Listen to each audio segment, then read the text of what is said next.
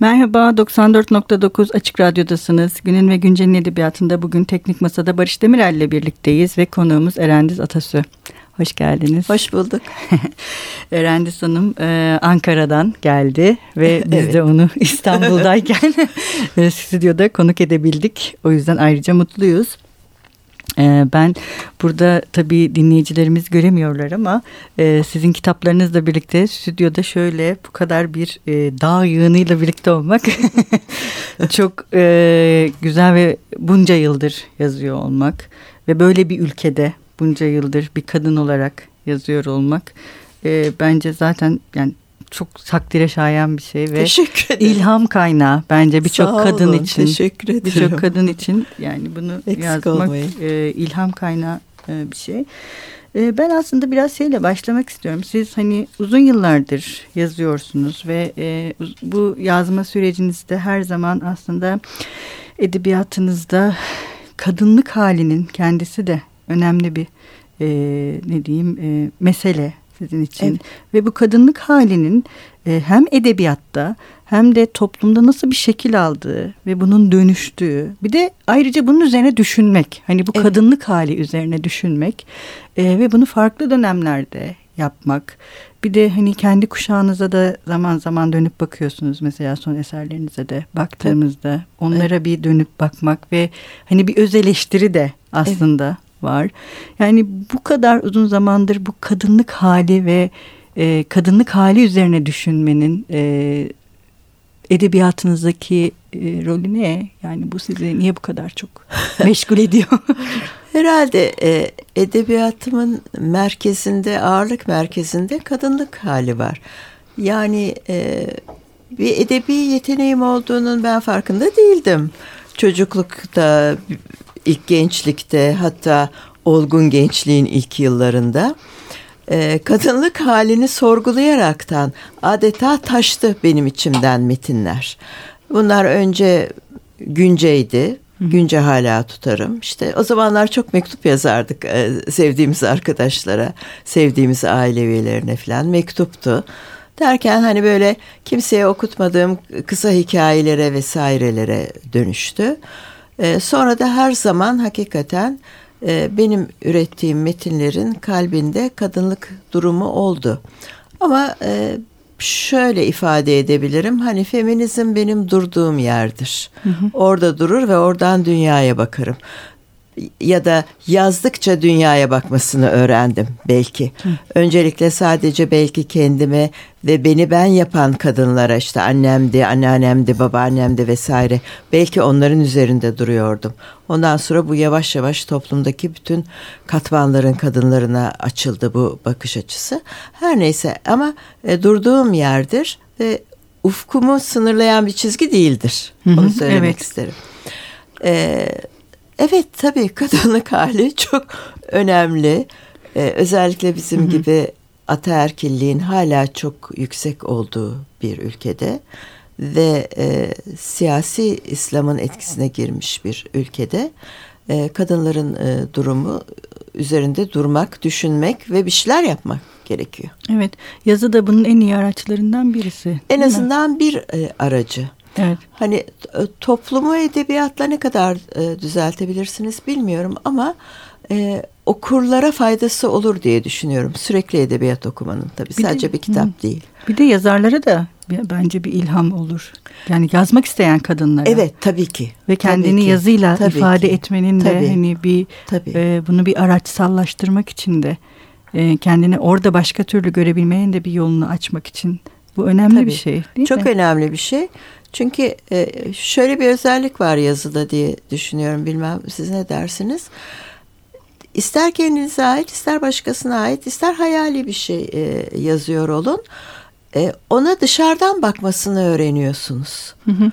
Hani bir süre sonra o keskinliği, o can acıtıcılığı olayın eğer gerçek bir olay anlatılıyorsa veya onun hayalinizdeki iz düşümlerindeki acı diyeyim e, bir süre sonra daha makul boyutlara iniyor. Adeta kendi içinizden onu çıkartıp karşınıza koyuyorsunuz ve baş edilebilir bir hale getiriyorsunuz evet. diye düşünüyorum. Ben öyle hissediyorum. Doğru kesinlikle bence de. Ee, şimdi mesela sizin bu gençliğin o yakıcı mevsimi kitabınızda e, yani e, karakter aslında şey toplumdan kaçıp yazıya sığınıyor. Evet ve yazıyla evet. aslında kendini yeniden inşa evet. etmek evet. ve e, o yazıdan inş, yazıda kendini yeniden inşa ederken aslında kendi bedenini ve cinselliğini de evet bunu da böyle e, keşfediyor ki ve yine sizin de edebiyatınızda işte en azından gençliğin o yakıcı mevsimi düşündüğünüzde kadının kendi cinselliğini yazması. Evet. Bu da böyle çok arzuları yazan kadınlar nedense yani bizim edebiyatımızda çok e, ne diyeyim eleştirmenler tarafından çok makbul de sayılmıyor sanırım. Değil mi? Kadının kendi arzusunu yazmaya başladığında hani orada bir tabu var ve bu tabu her kesim için var gibi sanki. Evet. evet o evet. arzu nasıl anlatılacak?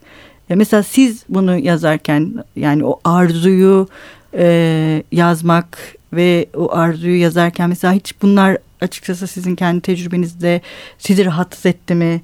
O dönemin edebi kamusunu düşündüğümüzde. Şimdi ben edebiyat e, aleminin e, çok içinde yaşamadığım için hani e, nasıl insanlar bunun hakkında konuştular ya da belki de hiç ilgilenmediler. Konuştularsa da ne dediler o kadar fazla doğrusu bilmiyorum. Ama dediğiniz şekilde bir tavır var tabii. Ve, ve ben çok ürkek yazıyordum aslında bana öyle gibi geliyor. Hı hı. Yani o kitapta da böyle durmadan imgelere sığınılmıştır filandır yani böyle açıkça yazılan bir şey yoktur. Tabii onu yazdığımda e, orta yaşlıydım ama tabii benim gençliğimden yansımalar vardı içinde. Yaşlandıkça daha özgür oluyorsunuz bu konularda daha kayıtsız oluyorsunuz kim ne derse filana karşı e, daha ürkek yazdığım için belki de ne yazdığımı da birçok insan an, anlamamış da olabilir. E, bu, buna dair e, e, Pınar Kür'ün çok e, güzel bir sözü vardı. Bir e, yıllar önce beraber bir panelde konuşmacıydık. E, erkeğin şimdi tam sözlerini tabii hatırlayamayacağım ama o sözlerdeki anlam şuydu. Erkeğin izin verdiği ölçüde kadının yazmasını hoş görürler. Onun dışında kadın kendi zevkini ya da korkusunu ya da arzusunu ya da isteksizliğini her neyse açıkça yazdığı vakit tamam o fevkalade kötü bir yazıdır ve o da kötü bir yazardır. E tabii kadın olarak da bilemiyorum nasıl artık nitelendirme falan diye. Tabii çok daha cesur yazıyordu e, Pınar Kür bunu da söylemek lazım.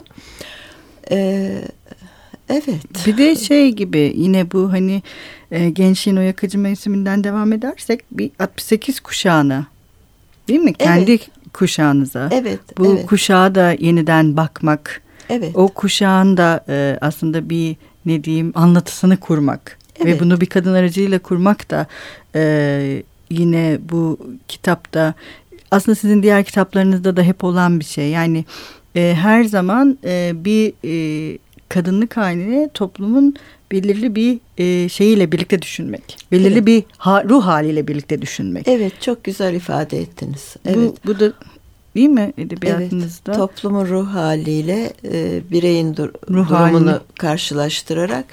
Çünkü e, yaşadığımız tarihsel dönemden bağımsız değiliz hiçbirimiz. Hı hı. Yani her şey toplumsal olanla bireysel olan her şey iç içe. Hı hı. Yani o arkadaki toplumsal fonu vermezseniz e, bireylerin duyguları da davranışları da biraz boşlukta kalıyor gibi geliyor bana. Ancak o zaman tam oturuyor yerli yerine diye düşünüyorum. Öyle hissediyorum. Doğru yine kadınlar vardır. Mesela buradaki öykülerinizde de yine o konuştuğumuz kadınlık hallerinin farklı sınıfsal ve evet. farklı e, ne diyelim coğrafyalardan evet. e, kadınlarla e, dile getirilmesi ve burada aslında şey benim çok hoşuma gitti bu kitapta dilin her seferinde değişmesi. Öyle ve mi? ruh halinin de değişmesi. Aa, güzel. e, ve hani şey gibi mesela bu e, bu kadar farklı kadının aynı zamanda bu kadar çok sese sahip olması. Hmm. Hani bu zenginliği de buradan kurmak. E, bu da sanırım hani kadınlar vardır ama bu kadınlar tek değil. Birçok kadın var ve aslında o birçok kadın kendi sesini duyurmak için bir yol da bulmaya çalışıyor aslında. Ve buluyor da. Değil mi? Teşekkür ederim. Öyle düşün. Yani değerli bir edebiyat bilimcisiniz. Sizin böyle bir e, saptama yapmanız çok hoşuma gitti. Yani bütün kadınlar kendi sesleriyle ve farklı seslerle evet. konuşuyorlarsa kadınlar evet, da vardır öyle. kitabında. E, kendime aferin diyeceğim. O, o benim ilk kitabım çünkü. Ama bu ilk kitap olmasının sanırım öyle bir heyecanı da e, hep oluyor gibi geliyor bana. O mesela şey gibi hani tabii ben hani kurgu yazmıyorum. E, o ilk kitaptaki heyecan sonradan aslında değil mi? bilmiyorum diğer eserlerinizde de farklı şekillerde nüvelerle ortaya çıkıyor bazısında mu? Bazısında çıkıyor bazısında çıkmıyor. Hı-hı. Yani e, tabii o kitap olduğu zaman elbette çok heyecanlandım. Çünkü zaten bir yarışmayı kazanarak kitap Hı-hı. olma şansına e, ulaştı. Parça parça hikayeler de onlar. Hı hı. E, kitap olarak onun tümünü oluşturmak tabii o başka bir şey. Yani benim evet. hayatımda bir dönemeç oldu. Bambaşka önümde bir e, evren açıldı. Hı hı. Başka bir sosyal ortama dahil oldum. Hı hı. Bambaşka bir hayat, ikinci bir hayat sanki oldu. Hı hı. E, bir eczacılık öğretim üyesiyken e, yazar oldum. Tabii ki bu hoş evet, bir şeydi. Bence de. Ve Hı. heyecan verici bir şeydi. Ama sonraki kitapların kimisinde de çok büyük heyecan duydum. Kimisinde o kadar duymadım.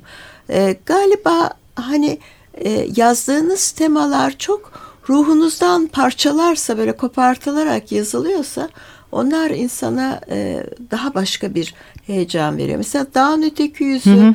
Öyle e, gerçekten beni heyecanlandıran evet ve hani hayatımda büyük bir deneyim diyebileceğim onu yazmaya. Ee, böyle olmuş kitaplardan biridir. Ama benim 20 küsur kitabım var tabii. Evet harika. Hepsi bu kadar da harika evet doğru. bu harika yani, bir şey. E, tabii hepsinde aynı şeyi duymuyorsunuz. Evet. Ee, şimdi dağın öteki yüzüyle devam etmek istiyorum ben ama bir ara verelim isterseniz önce. Ne çalalım? Ne der? Ne Valla e, kayıt masasındaki e, arkadaşımızın Barış Demirel. Barış Demirel'in bir şarkısını çalalım o zaman veya işte onun bir müzik parçasını çalalım. Hoş olur. Evet.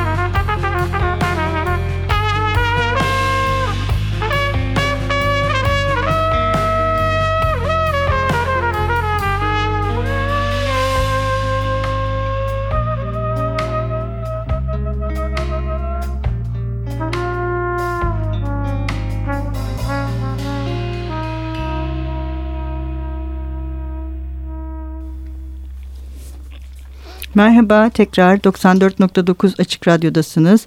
Günün ve Güncel'in edebiyatında Erendiz Atasu ile birlikteyiz.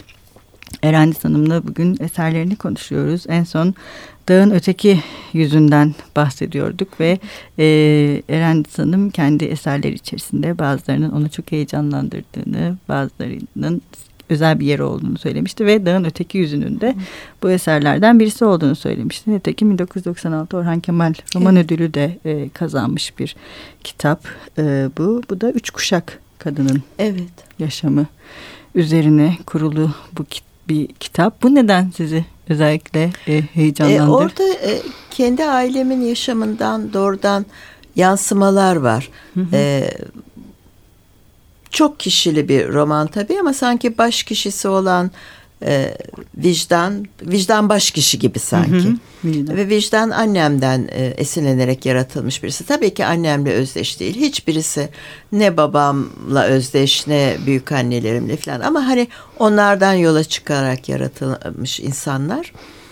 Ve e, annemi kaybettiğim zaman bu kitabı yazmaya başladım. Daha doğrusu baştan o dönem hep böyle bir kayıplar olmuştu. Ben de her kaybın ardından sanki bir Mersiye gibi bir hikaye yazıyordum. Sonra bir baktım o hikayelerin arasında hani hakikaten hem anlam bağlantıları var hem metinlerde bir sanki göndermeler var birbirlerine falan.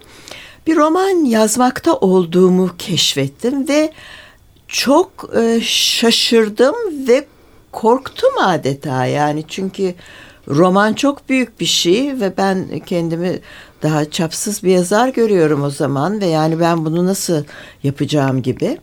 Ama e, evet bazı yerlerinde zorlandım ama bazı yerleri çok e, akıcılıkla e, geçti.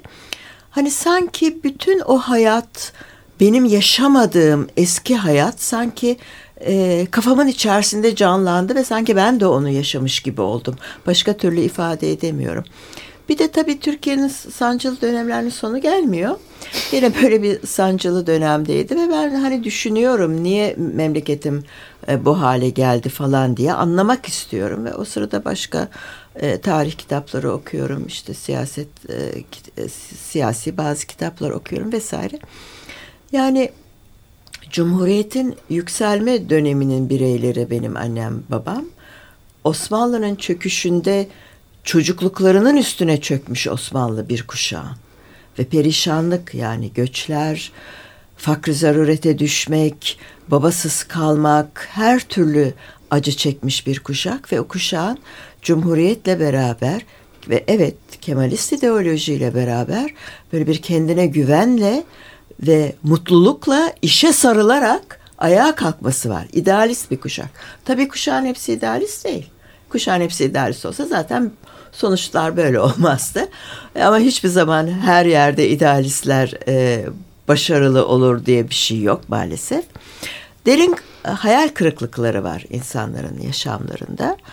E, bütün o çelişkileri topl toplayabilmek hem zordu hem tuhaf bir zevk verdi bana. E, Atatürk'te bir görünüp geçer o kitapta.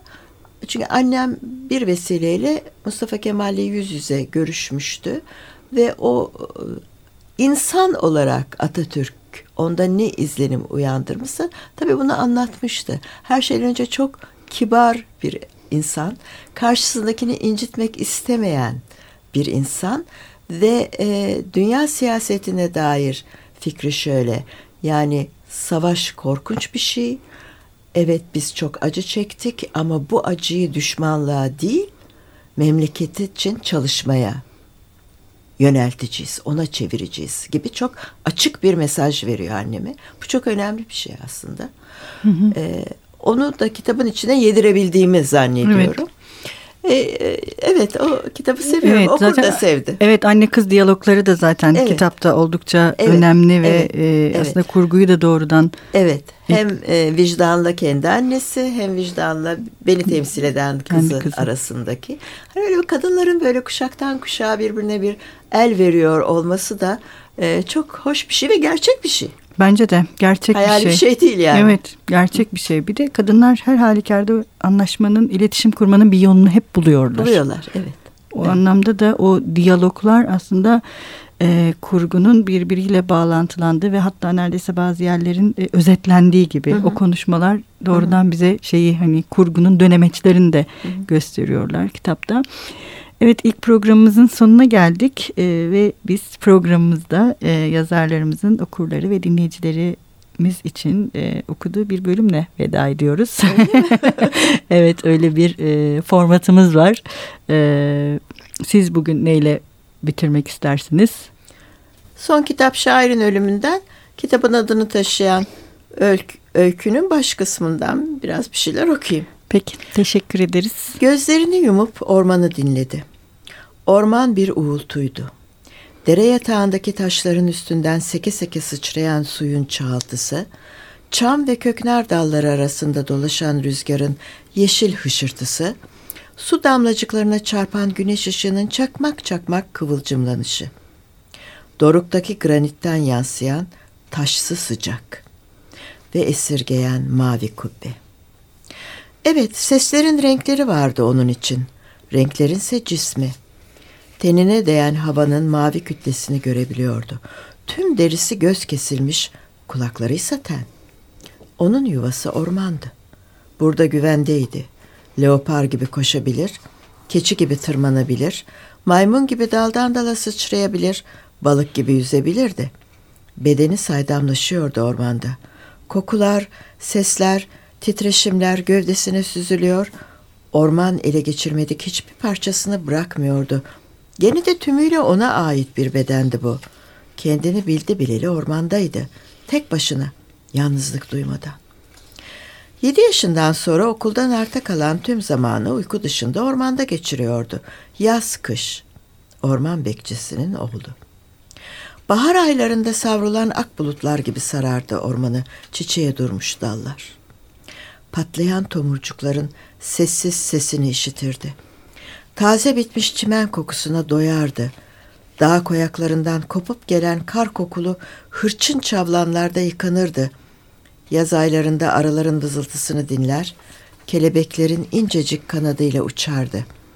Sonbahar yağmurları ile iliklerine dek ıslanır, kar yekpare bir örtü gibi ormanı kapladığında av peşindeki tilkiyi, geyik sürülerini izlerdi. Çok teşekkür ederiz. Haftaya görüşmek üzere Eren Düz Hanım'la sohbete devam edeceğiz. Görüşmek üzere.